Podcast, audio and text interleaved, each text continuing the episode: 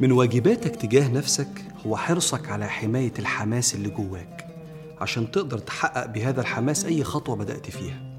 لأن كتير مننا بيبدأ الرحلة رحلة دراسة معينة أو مستهدف صحي زي إنه يخس مثلا أو يقلع عن عادة سيئة أو إنه يثبت على عبادة زي قيام الليل ولو حتى مرة في الأسبوع أو الشهر. البعض بيكمل الطريق اللي بدأه وهو محافظ على طاقته وحماسه وهمته والبعض بيتوقف. يبدأ يسوف ويلقي الأعذار على الظروف أو البيئة المحيطة.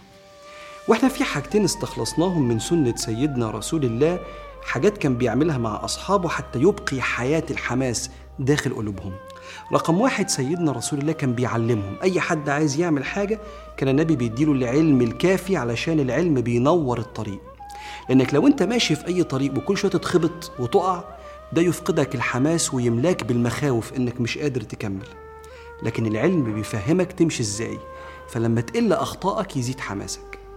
يعني مثلا سيدنا رسول الله علم الصحابة مداخل الشيطان على النفس علشان تفهم أسلحته فتقل أخطائك بسبب شيطانك فلا تفقد حماسك في السير إلى الله.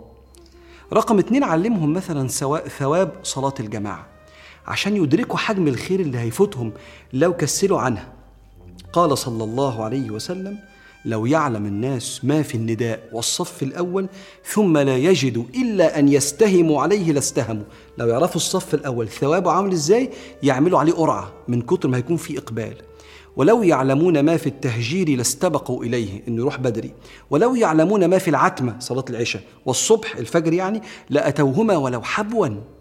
وعلم سيدنا رسول الله صلى الله عليه وسلم بل القرآن علم الشخص اللي عايز يكون سبب في هداية الناس إنه يذكر ولا يعاتب. فيقول ربنا فذكر إنما أنت مذكر لست عليهم بمسيطر. عشان الناس ما تنفرش منك من كتر العتاب فتفقد حماسك في الدعوة إلى الخير. ويعلمهم صلى الله عليه وسلم يعلم الراجل طبع الست. إزاي تديك عينيها؟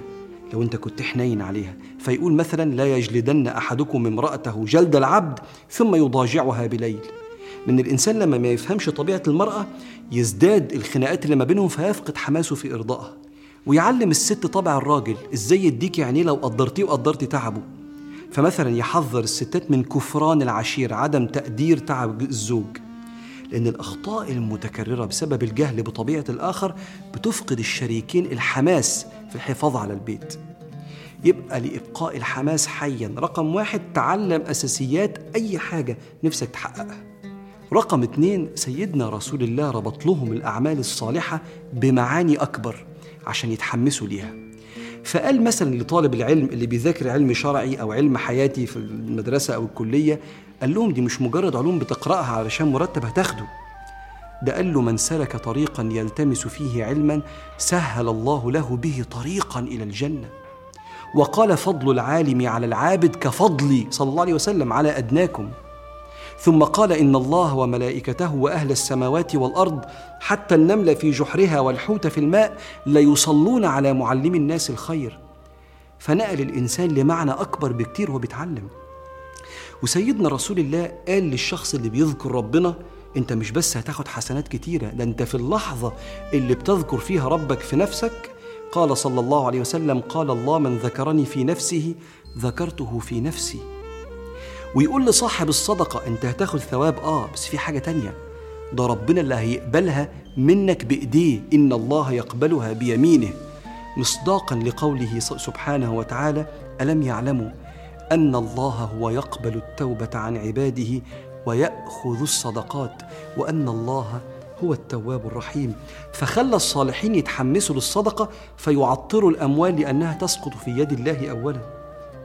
أنت كمان اعمل زي سيدنا النبي عليه الصلاة والسلام. واربط كل أعمالك الصالحة بمعاني أكبر في الدنيا والآخرة. وافتكر أو افتكري وأنت بتسامح اللي غلط في حقك إن دي مش بس جدعنة وشخصية جميلة. ده انت كمان ربنا هيعفو عنك بعفوك عن من ظلمك وليعفوا وليصفحوا ألا تحبون أن يغفر الله لكم؟ حتى كلمة السلام عليكم أو صباح الخير بابتسامة جميلة ده شيء في منتهى الذوق والإتيكيت والأدب. لكن ليه معنى أكبر؟ قال صلى الله عليه وسلم اتقوا النار ولو بشق تمرة فإن لم تجدوا فبكلمة طيبة. يبقى علشان تبقي حماسك حي اتعلم أساسيات ما تريد ثم اربطه دايما بمعاني أكبر. فاللهم عافنا واعف عنا وعلى طاعتك أعنا ومن شرور أنفسنا وشرار خلقك سلمنا.